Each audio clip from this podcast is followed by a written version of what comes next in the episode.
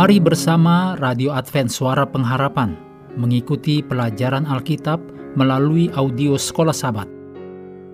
Selanjutnya kita masuk untuk pelajaran Jumat 8 September.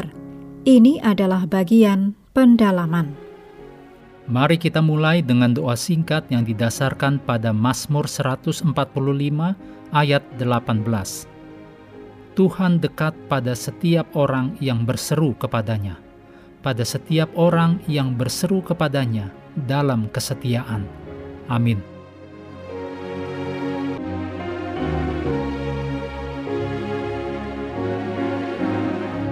Penghormatan Paulus terhadap anak-anak sebagai sesama orang percaya dalam Efesus 6 ayat 1 sampai 3 meningkatkan perhatian kita terhadap cara-cara di mana anak-anak diperlakukan di dunia kita saat ini. Perkataan Paulus kepada para ayah dalam Efesus 6 ayat 4 mengundang kita untuk mempertimbangkan tanggung jawab orang tua.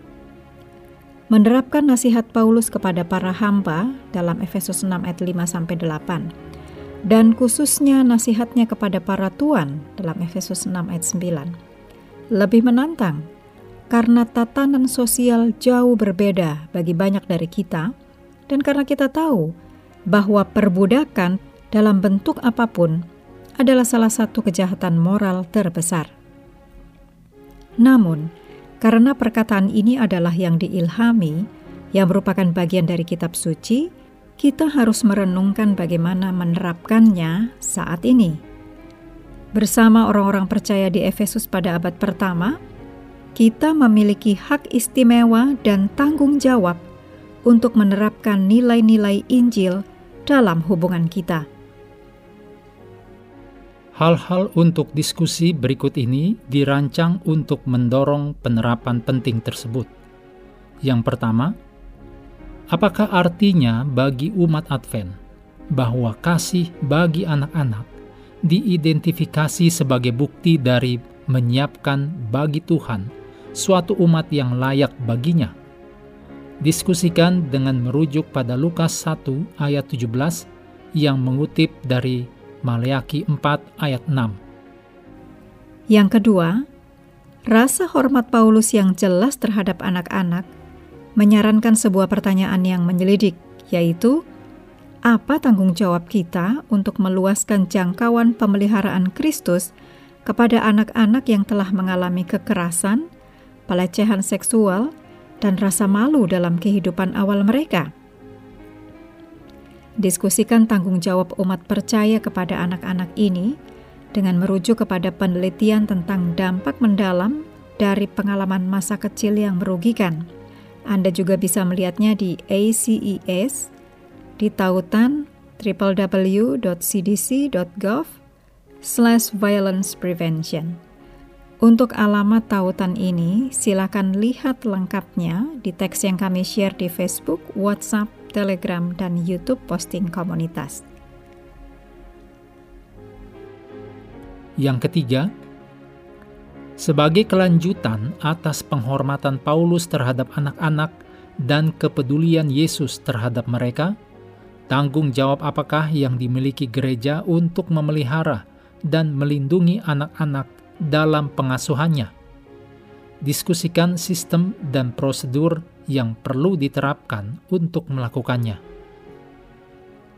Yang keempat, nasihat Paulus kepada hamba dan tuan dalam Efesus 6 ayat 5 sampai 9 sering diterapkan pada hubungan antara karyawan dan majikan. Diskusikan dalam cara-cara apa hal ini mungkin sesuai, juga bahaya yang dapat muncul dalam penerapannya. Yang kelima, perbudakan tetap menjadi kenyataan yang menyakitkan di dunia kita dengan lebih dari 40 juta orang diperbudak. Ini berdasarkan indeks perbudakan global dalam www.globalslaveryindex.org. Untuk tautan link lengkapnya, silahkan melihat di teks yang kami share di Facebook, WhatsApp, Telegram, dan YouTube posting komunitas. Sebagai orang-orang merdeka, yang leluhur rohaninya berkomitmen kuat pada penghapusan perbudakan. apa tanggung jawab kita kepada putra dan putri Allah yang diperbudak ini sewaktu kita bernyanyi tentang Kristus. Dari lirik Oh Holy Night, public domain, rantai akan dia putuskan, sebab budak itu adalah saudara kita. Dan dalam namanya, semua penindasan akan berhenti. Mengakhiri pelajaran hari ini, mari kembali ke ayat hafalan dalam Efesus 6 ayat 9 dan kamu tuan-tuan, perbuatlah demikian juga terhadap mereka, dan jauhkanlah ancaman. Ingatlah bahwa Tuhan mereka dan Tuhan kamu ada di sorga, dan ia tidak memandang muka.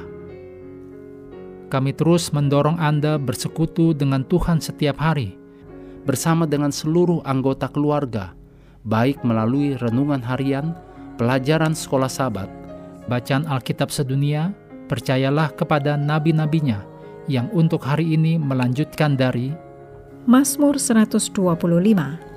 Tuhan memberkati kita semua.